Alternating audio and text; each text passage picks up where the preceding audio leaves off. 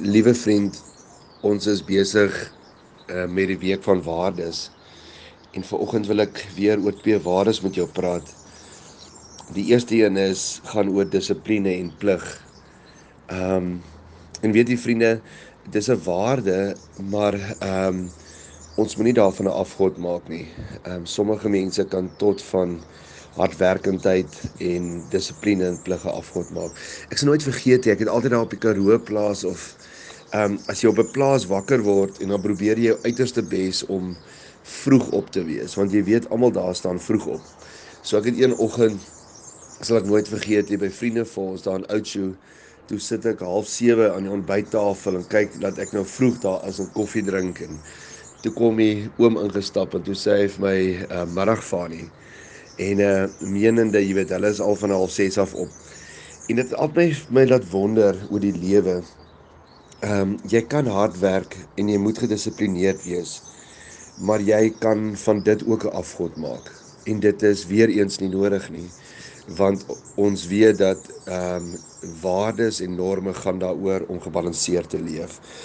So vriende, aan die einde van die dag moet jy vanaand op jou bed lê en dan moet jy sê ek het 'n gebalanseerde dag ingesit. Ek het ehm um, ek het ge, ek het gedoen wat ek moes doen. Ek het hard gewerk maar ek het dit nie afgod gemaak nie. Die Here het vir ons hierdie lewe kom gee Johannes 10 vers 10.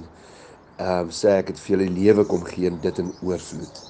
Die lewe in oorvloed gaan ook oor hard werk. Dit gaan ook oor dissipline en plig.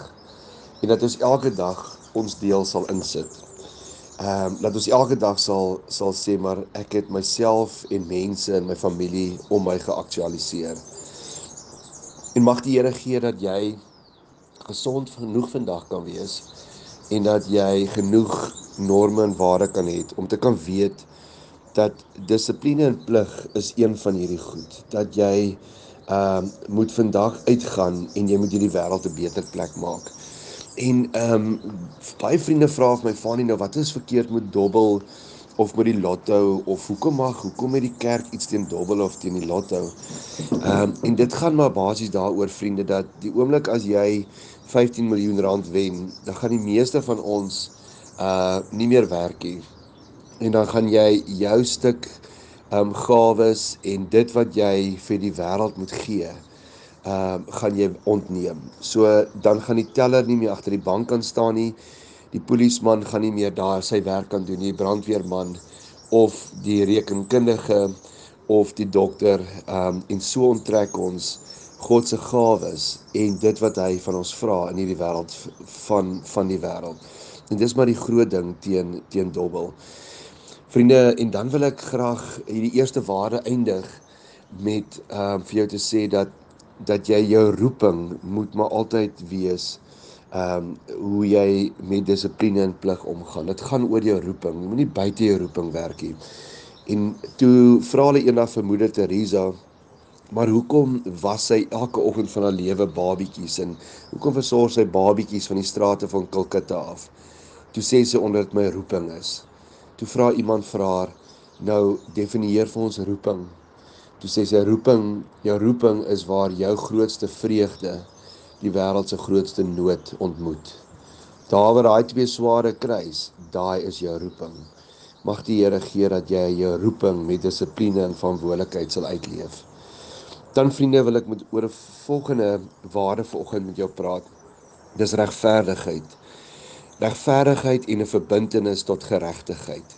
Nee, jy het verkeerd gehoor. Jy moenie regverdigheid en geregtigheid van hierdie wêreld af verwag nie. Hierdie wêreld is onregverdig per se, want ons lewe in 'n gebroke werklikheid.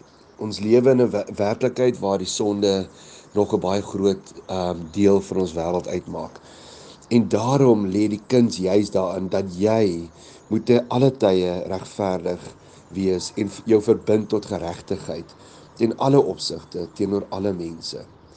En daarom vriende, ehm um, dis juis waarvoor ons geroep is. Sê ehm um, 1 Petrus 2 vir ons. Ons is geroep om regverdig onregverdigheid te kan hanteer. Ons is geroep om onregverdig gehanteer te word. En dit is die manier waarop ons hierdie onregverdigheid hanteer en dit omskakel in geregtigheid en om regverdig teenoor alle mense te wees wat die wêreld sal verander maar wat ook ander mense anders na jou en ook na God sal laat kyk.